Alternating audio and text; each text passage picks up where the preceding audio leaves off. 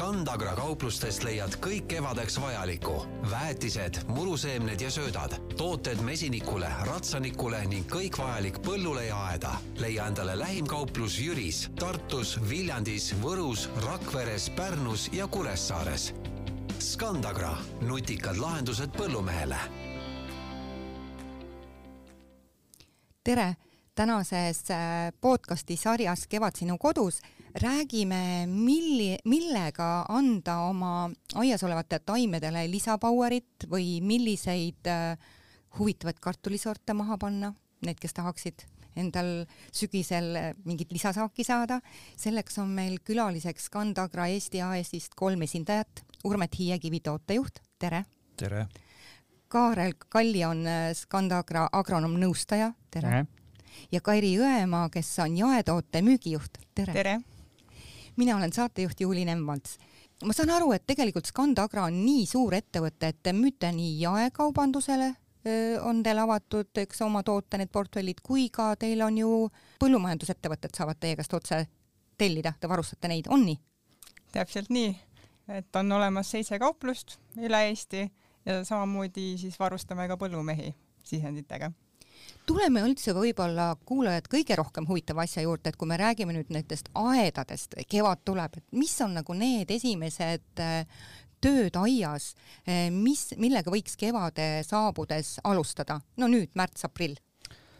kevadel võiks alustada esimese asjana, kui lumi on ära läinud, siis võiks alustada sellega, et aia korda teha, et ütleme, selline vana kuhtunud nii-öelda lehed, nii-öelda taimematerjal, kõik, mis sinna sügisest on jäänud, see on ära koristada sealt, lihtsalt kokku riisuda, vanad taimeosad eemaldada ja siis tegelikult, kui me võtame nii-öelda, kas me räägime murust või kui me räägime sellisest, ütleme, aiasaadustest, ütleme, et on ta siis kartulimaad, kodused aiamaad, et tegelikult see nii-öelda materjal, mis sealt on, see oleks vaja võimalikult kaugele viia sellest kohast, et kui sinna plaanitakse midagi külvata, istutada, et siis vanad asjad lihtsalt võimalikult kaugele linnas ma saan aru, et äh, tegelikult heal juhul oleks neid üldse põletada, linnas ei ole see kindlasti võimalik, aga kindlasti komposti hunnikusse need asjad panna ja komposteerida ja kompost on ju tegelikult väga väärtuslik nii-öelda toit ja väetis äh, neile kultuuridele, kuhu teda siis laotada.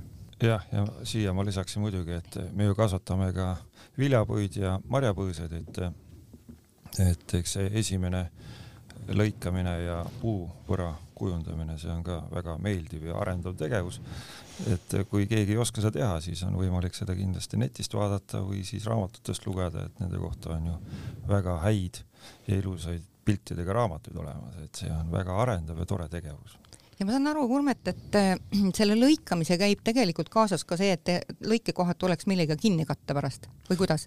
jah, suuremad lõikekohad on hea puukohaga kinni katta, et see on looduslik ja, ja annab äh, avatud, avatud Äh, koore pinnale siis siukse kiire äh, kaitse, et sealt ei lähe ka haigused sisse ja, ja endal on ka ilusam siis. Kui ma nüüd vaatan seda aeda, kus on palju taimi, põõsaid, puid, et millised neist vaja, vajaksid siis väetiga, väetisega turgutamist ja mis ei ole nagu otstarbekas äh, lisajõudu anda või, või kõigile peaks andma? no väetis, no mis on väetis, eks ju, väetis ongi lisa, lisajõud siis, mis ta nüüd mullaviljakusele lisaks meie poolt siis meie poolt siis äh, anda tuleb, et äh, ma jagaks selle jah kaheks, nagu Kaarel juba nimetas, on kompost, on orgaanilised väetised, võib-olla on naabril äh, lehmapidamine, võib-olla nii, või kanapidamine, et sealt saab ju head orgaanilist väetist, mida oleks hea siis komposteerida veel ja ja siis on nii-öelda kunstväetised, mis on siis toodetud tehastes ja ja mida me siis müüme ja pakume.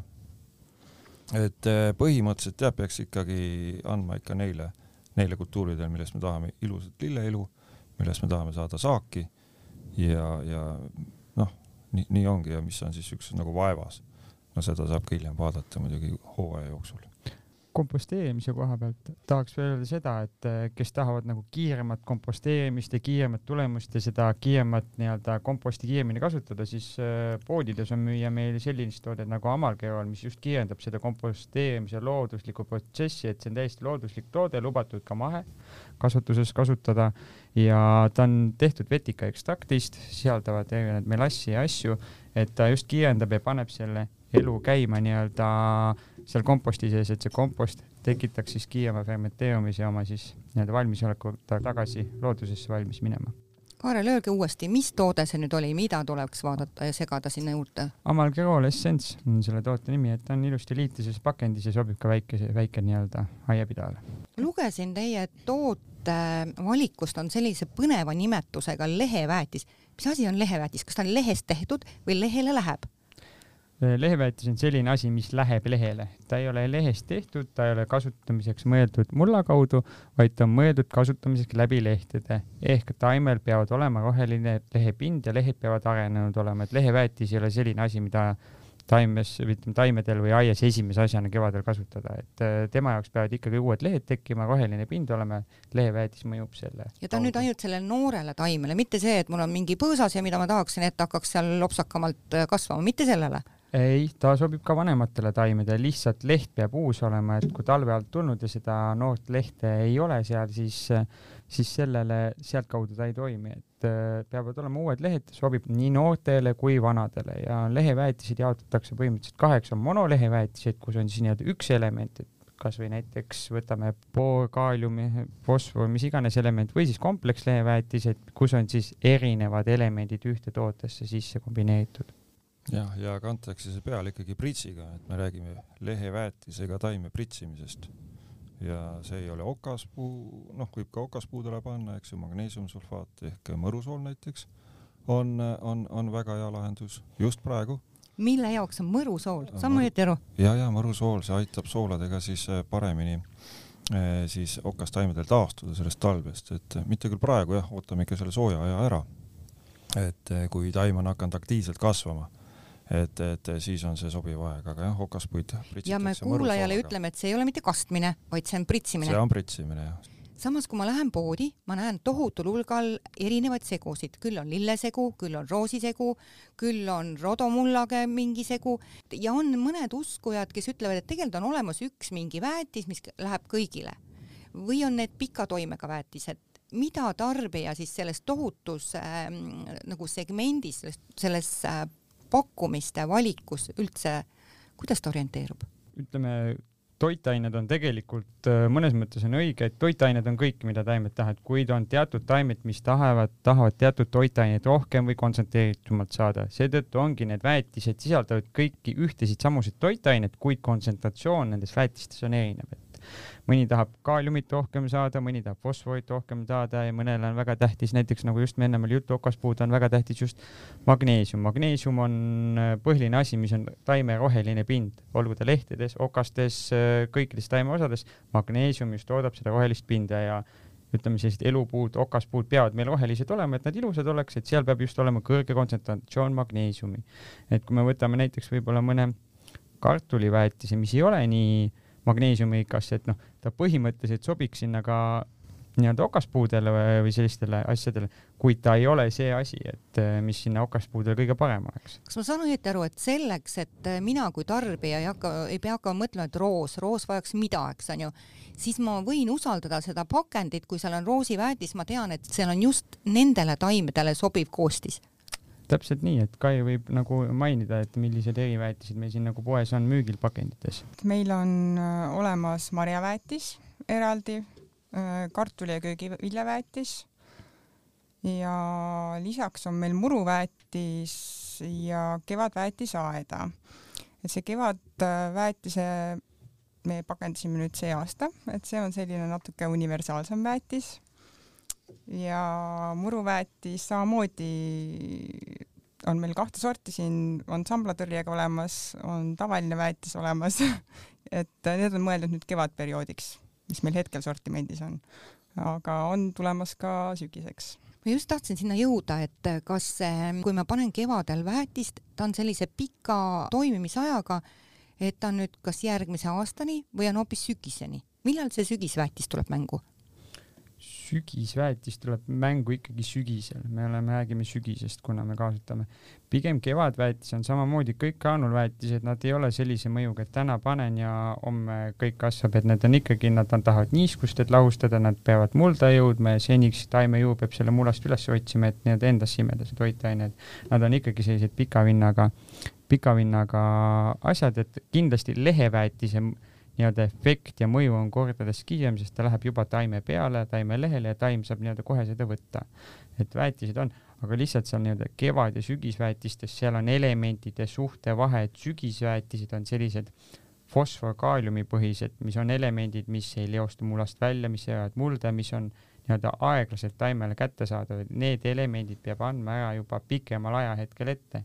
kevadväetised rohkem on sellised suurema lämmastikusisaldusega ja annavad nii-öelda seda kiiremat lämmastikku, mida on vaja, et sellist kaaliumit pigem anda sügisel ja siis sellised lämmastikväetised, need ongi need väetised, mida kevadel ütleme, võiks andma hakata. Ja näiteks kui siin oli murudest juttu, siis murud, kui te korjate ära selle nii-öelda heksetatud muru, kogute kokku, viite kompostisse, siis tegelikult see on ka mõnes mõttes toitained, mis te ära viite, et see on tegelikult kaalium kõik, mis te ära viite, et kõik orgaaniline materjal, mis teil muru näol sinna jääb, see on ka kaalium ja seetõttu olekski näiteks murusid soovitatav väetama just sellise kaalium, kaaliumi või kõrgema kaaliumisisaldusega väetisega.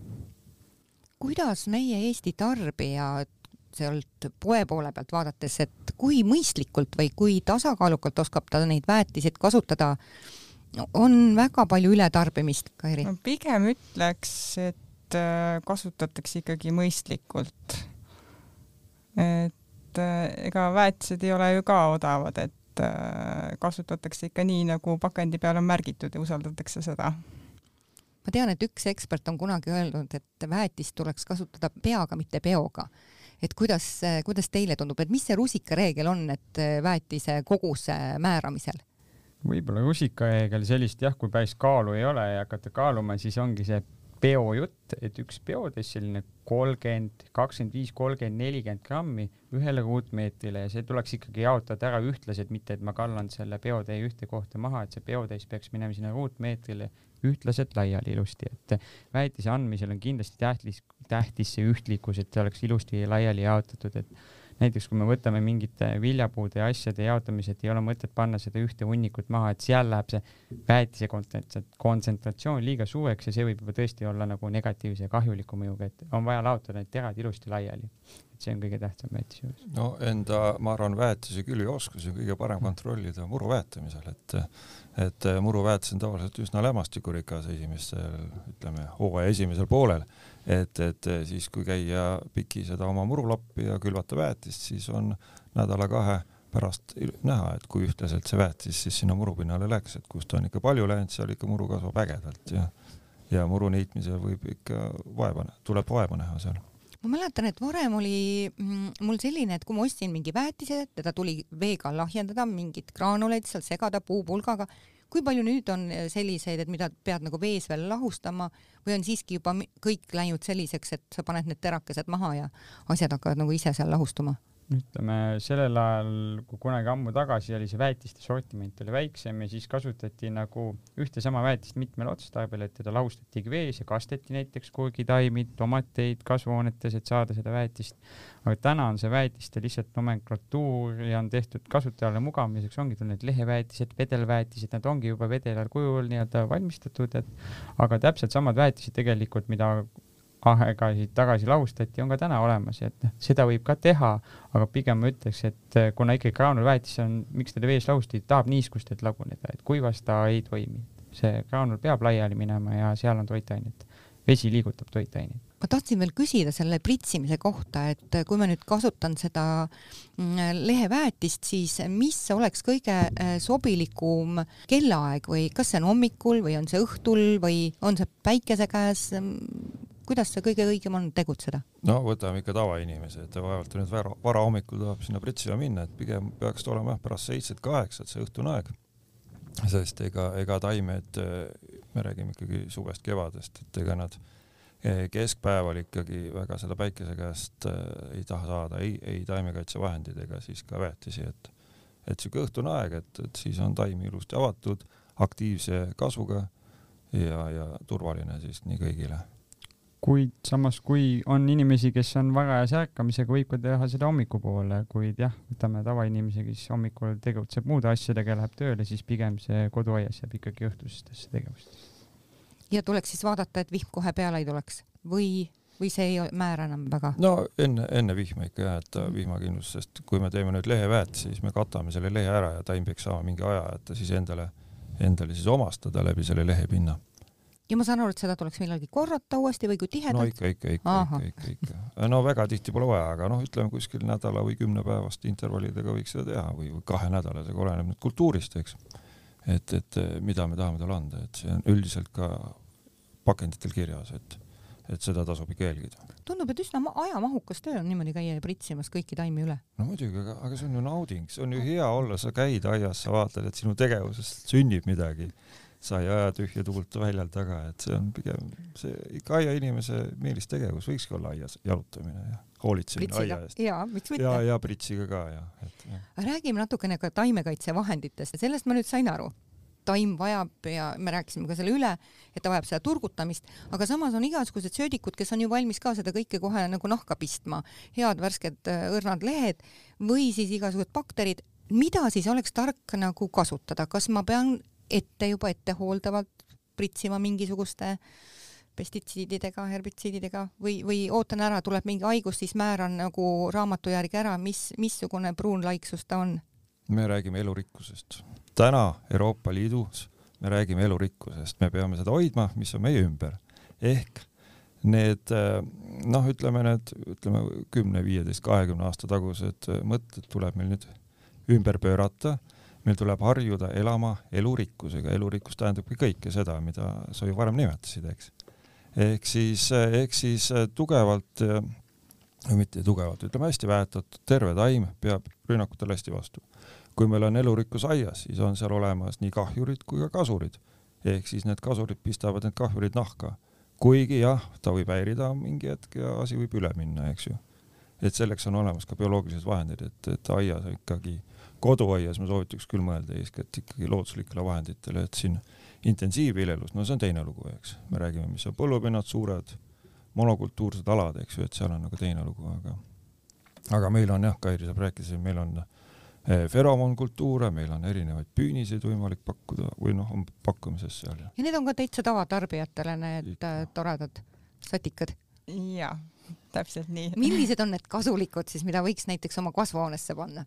Üks väga kasulik asi on tegelikult lepatriinu oh.. väga-väga hea nii-öelda aiakoristaja ja teeb näiteks lehetäidest täiesti puhka, puhta vuugi, et kui on lehetäide probleem siin suvel roosidel näiteks, mingiks asjadel, et kui te saate kuskilt, tooge lepatriinusid ja nemad teevad väga head koristustööd seal kasvuhoonesse jah, on siuksed sinised püünis, püünisribad võimalik panna, aga, aga no ega neid jah, praegu vist väga palju need kasulikke putukaid sisse osta nii-öelda kasvuhoonesse on keeruline, eks ju.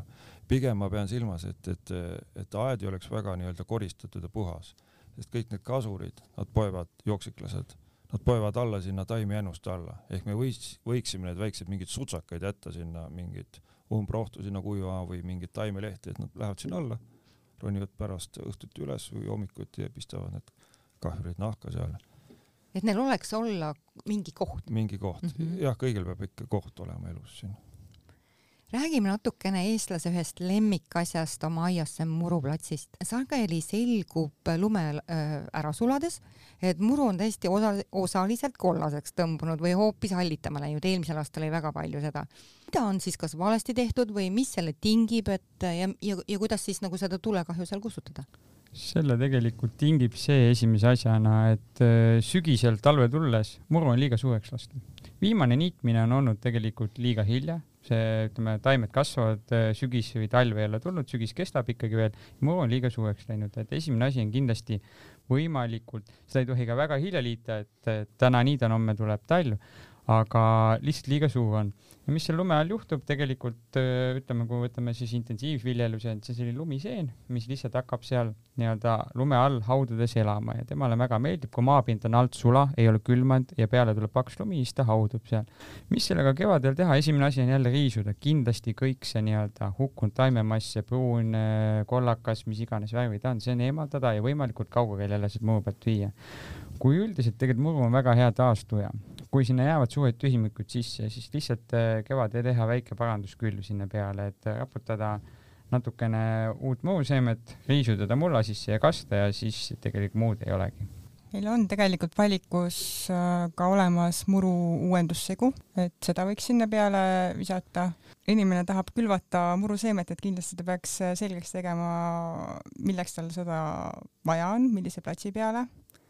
Et meil on valikus äh, nii valge ristikuga kodumuru kui ka siis mängumuru, et kui noh, mõelda selle peale, et lapsed mängivad seal muru peal, et võib-olla neid mesilasi mitte nii palju sinna korraga meelitada. ja lisaks on meil ka olemas äh, ilumuru, mis äh, sobib äh, esindusmuruks väga hästi, et tihe, madalakasvuline, et kindlasti ennem selgeks teha, et millist muru soovitakse ja meie valikust leiab siis. kuidas selle, mis see ilus ja esinduslik oli, mis selle muruliigi nimi oli? ta on meil ilumuru. aa, ilumuru. jaa, et et see ongi siuke. ja ta ei nõua nii, nii sagedast niitmist, et kuna ta on madalama kasvuga või kuidas? no niitmine on selline värk, et seal peaks ikkagi vaatama, palju sa väetist annad, et siuksed pikaajalised äh, rohke fosfori ja kaaliumiga väetised, äh, kus on võib-olla see mäest äh,, lämmastik on siukse mõõduka, mõõduka lisaga, et see vajab äh, vähemat niitmist ka, et siis tuleb nagu reguleerida seda ka väetamisega aga lihtsalt, et kui tahate mida ilusamat muru tahta, seda tegelikult tihedamalt peab seda niitma, seda rohkem suundatakse seda kultuurtaime nii-öelda võõrsuma ja see muudabki selle muru tihedamaks ja ilusamaks. ma tahtsin küsida, et see meetaim, kas ta on nagu üheaastane, mida te müüte neid segusid või on kuidagi mingi pikem projekt peab olema? Meil on olemas äh, nii üheaastane segu kui ka mitmeaastane segu, et äh, lihtsalt äh, natukene erinevad kultuurid on nendes segudes. aga seda segu tuleks tegelikult külvata siis sügisel juba või on see ikkagi kevadel külvamisega? külvata tuleks jah, võib-olla siin suve teisel poolel või keskpaigas ja tegelikult võiks ju rääkidagi sellest, et mis see muru on, eks ju, kas see muru on lihtsalt üks ühtlane üks, roheline mass. roheline mass, eks ju, kus saad ennast jalgpalli mängida seal ja, ja palli veeretada ja päevitada, eks ju. või, või sa rajadki omale mingi huvitava koosluse kus sul on mingi, mingi ala sellest, mingid vigurid, mingid kaared, mingid alad, mida sa niidadki korra aastas, näiteks augusti keskel. või siis on sul sellised alad, mis siis on noh, paar korda aastas või hooaja jooksul siis ja et, et seal, kui on nüüd rajatud see lillemuru osa, et augusti keskpaiga niitmisega, siis ongi seemned juba valmis, siis ta külvab ise sinna ennast ära ja hakkab jälle õitsema, et ta, et ta jääbki sinna, ta võib seal olla kümme aastat või mis iganes aastad, eks ju et see on endale väga noh, nagu sihuke huvitavam. nii et tegelikult need, kes plaanivad endale mesilasi võtta, need võiks nagu ühe sammu veel tegelikult ennem läbi mõelda, et kust need äh, vajalikud meetaimed äh, tema aeda tulevad ja siis juba varakult siis augustis hiljemalt ära külvata järgmise aasta. kas nad juba järgmine aasta kannavad või ta vajab siis ikkagi nii, et äh, ülejärgmist aastat? ei, seal on jah liike sees, mis hakkavad juba kohe ikka õitsema. kohe õitsema? ja siin on Aha. ju näha ka, kuidas meil julukililled ja, ja moonid ja magunad siin õitsevad, inimesed jooksevad põldu pildistama, mis siis on, mõned põllumehed ajab närvi, kui ta siis paneb omale korjanduskassi sinna, et siis need äh, kahjusid hüvitada, eks üldiselt samal aastal külvatud need mm. meetaimed, ütleme, me oleme ise ka siin külvanud, kui külvata selline mai keskpaik, siis õitsema nad hakkavad laias laastus selline juuli keskpail lähevad esimesed õied lahti. juuli alles mm? -hmm. et see ikkagi võtab, et noh, nad on taimed, nad peavad kasvama, nad peavad arenema ja enne kui nad õitsema lähevad, et kuskil me võime ikkagi arvestada, kaks kuud on see aeg isegi ka kiirema kasvulistel, võib-olla me saame nädal aega ennem, aga mitte kindlasti kahest kuust ei saa ühte kuud. Aga, aga sinna saab panna näiteks äh, sügisel istutada lillesibulaid, mis hakkavad varakult õitsema, krookused või, või mingid looduslikud tulbid näiteks, mis on ka hea lahendus, sa teedki omale sellise huvitava ala. nõus, aga nüüd võtaks tegelikult ühe sammu sellel teemal tagasi, sest me hakkasime kohe oma jutuga külvamisega pihta. aga kuidas üldse tuleks nagu seda ette valmistada, seda nii-öelda muruplatsi, kas seal on mingid oma reeglid? noh, ütleme kompost oleks ka hea sinna alla panna, muruplatsi ettevalmistus põhiline oleks, et pind oleks võimalikult must. Ta oleks täiesti läbi segatud, miks, sest muruseemned on väga väiksed seemned, nad tahavad väga head kontakti mullaga saada ja väga head niiskust, et kui see muruplats jääb konarlik, esiteks teda on nii halb niita peastpoole, me peame, seal ta peab sile olema ja teiseks on see just see muru tärkamine, et kõik need seemned, mis me paneme, me peame saama tärkama. et ütleme võimalikult mustaks ja siledaks, külvata see mõru, katta siis rihaga, õrna muhlakihiga, kindlasti ei tohiks seda seemet panna väga sugavale, nagu ma ütlesin, seeme on väga väike, et maksimaalne selline üks sentimeeter. Ja siis võimalusel, kui on kuiv, siis tuleks seda kasta. Ja kes on väga usinad, ka rullivad, rullivad selle täiesti siledaks, et silerulliga üle äh, teha ja siis oodata, kuni hakkab kasvama. Ja siis teha võib-olla seda juurdekülvi, kui ma näen, et mul on väga ebaühtlaselt see kõik välja tulnud ja, ja ei, selleks on meil seeme olemas, tulge ikka poodi. aga, aga eks see jah, et kuhu me külvame, et see muld peaks olema juba vajunud, et, et me ei saa kindlasti seda värskele mullale teha, sest tekib ebaühtlus seal. Just sellised freesitud mullad, mida tahetakse teha, et äh, see, see on selline asi, mida ei, ei tohiks teha, et noh, täna freesida ja homme külvata sinna, et siis see muld vajub lihtsalt ära ja sul tekivadki ebaühtlased lohud, tuleb äkki mingi äkk paduvihm ja veab selle seemne võib-olla lohukohtadesse kokku ja siis on meil lohukohas hästi ilus roheline laik üleval, ülematel pool ei ole mitte midagi. ma tean, et teil on ka seemnekartulit jaemüügis. Täpselt nii, et äh, iga aasta siin esimeses kvartalis on võimalik ette tellida. et meil on seemnekartul nii Eestis kui ka Hollandist ja sordid meil aasta-aastalt varieeruvad. et äh, hetkel on ka tellimiseks äh, avatud veel. et ühesõnaga, kui mind huvitab, otsustan ära, et tahaks ise oma kartulisaaki sügisel saada, lähen teie kodulehele ja teen mis asja lahti, poe või siis e-poe või siis ettetellimise? Äh, kontaktid tellimiseks on olemas. on seal ja, olemas, nii? kui ma olen nüüd ja täiesti... saab äh, te tellida ka tegelikult meie poodidest koha pealt, et Aha. Äh, läbi klienditeenindaja. ma just tahtsingi küsida seda, et kes mind nõustab. ma tean, kartul on kartul, aga kuidas teha otsuseid, millist sorti või teil ongi mingid loetud sordid? sortide nimistu on tegelikult pikk siin ja kartuli valikul peab teadma seda, millal sellega tegelikult, mida selle kartuliga teha tahetakse, et kas teda tahetakse hästi vara süüa siis peaks olemagi see, et varajane kartul, kas teda tahetakse ka üle talve säilitada, et ma panen nii palju, et ka sügisel võtan ära või ma kogu suve jooksul tarbin ära. kas ma olen rohkem pudusööja, kas ma tahan salatit teha, kas ma tahan keeta teda enamasti, et igal sordil on oma head ja vead asjad, et see tuleks nagu endale selgeks teha ja, ütleme, need klienditeenindajad, seal on olemas nii-öelda sordikirjeldused selle sordi kohta, milleks ta sobib, kas ta on varajane pigem ta on selline keedukartul või mõni on näiteks ka varajane, aga tema keedab, nagu natuke rohkem keedata läheb väga pudrule ära, ta on tärkliserikas, ta on rohkem pudrukartul.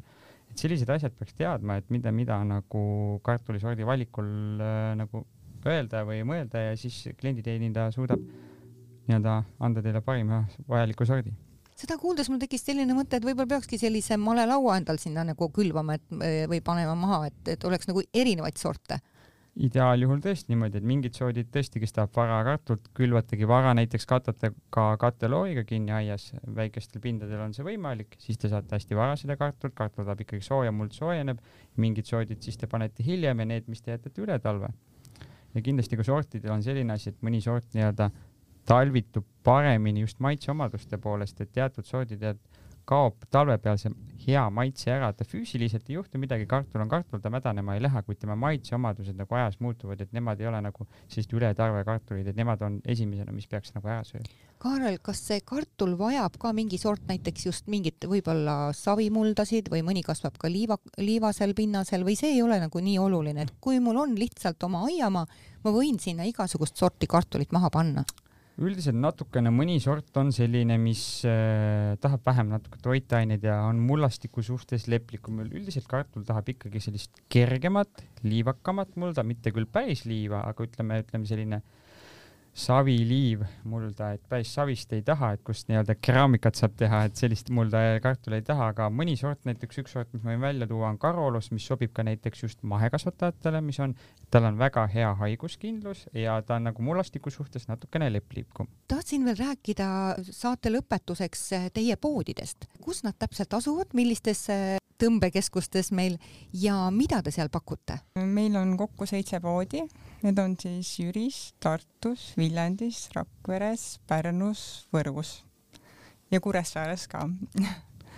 Et äh, meil nüüd siin lisaks äh, eeltoodud sellele meeltaimede segu, segule, et tegelikult me pakume ka puhaskultuure mesinikele ja mesinikele on meil ka tegelikult veel igasuguseid tarvikuid kaitseriietus, söödad mesilastele, lõpetades meemurride ja mesitarudega. et tegelikult mesinikul on meil väga-väga lai valik. väga hea kuulda, sest ma saan aru, et mesindus on praegult kasvav trend. On kasvav, et viimase kümne aastaga on siin mesilaspered, mes-, mesilasperesid registreeritud äh, pea neli korda rohkem et kui siin kümme aastat tagasi. Ja oma klientide pealt näeme ka, et äh, see mesi, mesilaste pidamine on trendiks muutumas. Ma tooksin veel siia juurde, et ka kanakasvatus ja munakanade kasvatus on väga suures kasvutrendis, et siin oli eriti, kui see Covidi periood hakkas, et siis oli näha, et äh, kanu võeti endale päris, päris julgesti juurde, et siis me naljatasime, et huvitav, mis nad nendega küll talvel teevad, ega me ei saanudki teada, sest ja ma saan aru, et sööt on ka teie juurest siis ja. võimalik osta? jaa, on olemas lindude söödad, kõige populaarsemad on kindlasti kanade söödad, äh, tibusöödad, aga leiab ka broileritele, vuttidele, et kõik on olemas. Ja lisaks muudele jaanalindudele jaanalindudele ka ja kas tõesti meil on nii palju jaanalinde? no ikka leidub, et Äh, on jah, ja muidugi ka teistele farmiloomadele on meil söödad olemas. nii et tasuks vaadata algusel teie e-poodi või kus kohas seda informatsiooni kõige paremini saaks äh, tutvuda? kindlasti tasub tulla ka poodidesse koha peale, et äh, poodides koha peal võib-olla on natukene suurem valik, aga e-poes saab ka kõik vajalikku kätte et meil on veel farmitarvikuid, hobuasju, lemmikloomadele, aeda tööriistu, väetiseid, seemneid, et kõik on olemas. ja poes parkimine on tasuta. No see on ainult luksus. Kairi, ma tahtsin ülekuulajatele nüüd täpsustada, et kui ma siis tahan seda seemnevilja endal saada, ma pean selle ette nagu tellima, kas on veel midagi, mida tuleb ette tellida? mõtlete nüüd seemnekartulit? või üldse, et äh, mingeid selliseid äh, tootesegmente, mida tuleks lihtsalt varuda aega, et ma tean, ma pean olema tellima ja siis ma lähen poodi selle kaubale järgi? Äh, hetkel meil ette tellitav on ikkagi ainult seemnekartul, et püsisortiment on meil ka suur, et seal ei ole vajadust ette tellida, et kui te tegemist ei ole mingi väga spetsiifilise tootega, et seemnekatulist lihtsalt tahaks öelda, et seemnekatuli tellimine lõpeb, ütleme hooajaks ette kolmekümne esimese märtsi. meil on loetud paar nädalat ainult järgi jäänud. et äh, aprillikuus kahjuks jah, ei ole seda niimoodi tellida ei saa. meil hakkab saateaeg siin ümber saama, et kas on veel mingi teema, mingi mõte, mida me ei jõudnud saates käsitleda? ma tegelikult tooksin siia ühe teema juurde, et kellel ei ole oma aeda, on olemas siin linnaaiad ja on sellised äh, sõpruskonna-aiad, et, et seda võiks ju arutada, eriti noh, omavahel oma sõpradega, oma omavalitsusega, oma, ma ei tea, kes iganes, jah, maaomanikega seal, et, et kui tekib tahtmine ja soov, eks ju, et siis võiks ju, ma ei tea, kas rahad kokku panna või kokkulepped teha, et siis kasvatada oma sõpruskonnaga koos seda köögivilja või rajada puuviljaaed, no siis on loomulikult vaja pikemaid kokkuleppeid, et see ühe-kahe aastaga puuvilja ära puuviljaia rajamine ei õnnestu, eks, aga aga neid mõtteks, mõtteid tuleb ajada, sest mul oli võimalus siin just, käisin suudatamas möödunud nädalavahetuses, siis äh, rongiga sõites ja bussiga sõites oli näha, et Saksamaal, Šveitsis, Austrias neid äh, kommunaalaedu või sõpruskonnaaegu on, eks ju, nagu meil siin oli lennujaama lähedal oli see Pilpa, Pilpa asula või kuidas seda kutsuti, eks ju, Hiina linn, eks ju, seal Tartus või noh, need on kadunud täna küll, aga aga ma arvan, et see rahustab inimest, see annab võimaluse koos olla ja ja ma küll soovitaks selle peale mõelda. ma olen kuulnud, et osad äh, linnaosavalitsused lausa toetavad seda kogukonna ja, ja, ja mm, tegemist mingisuguse summaga. nii et miks mitte, väga hea ettepanek Urmeti poolt või meeldetuletus uuesti. Tänaseks on meil saateaeg ümber ja tänan meie külalisi, kes olid Scandagra Eestist Urmet Hiiekivi tootejuht Kaarel Kallikorm, agronoomnõustaja ja Scandagra Eesti jaetoodete müügijuht Kairi Jõemaa. mina olen saatejuht Juuli Nemvalts. Scandagra kauplustest leiad kõik kevadeks vajalikku. väetised, muruseemned ja söödad, tooted mesinikule, ratsanikule ning kõik vajalik põllule ja aeda. leia endale lähim kauplus Jüris, Tartus, Viljandis, Võrus, Rakveres, Pärnus ja Kuressaares. Scandagra, nutikad lahendused põllumehele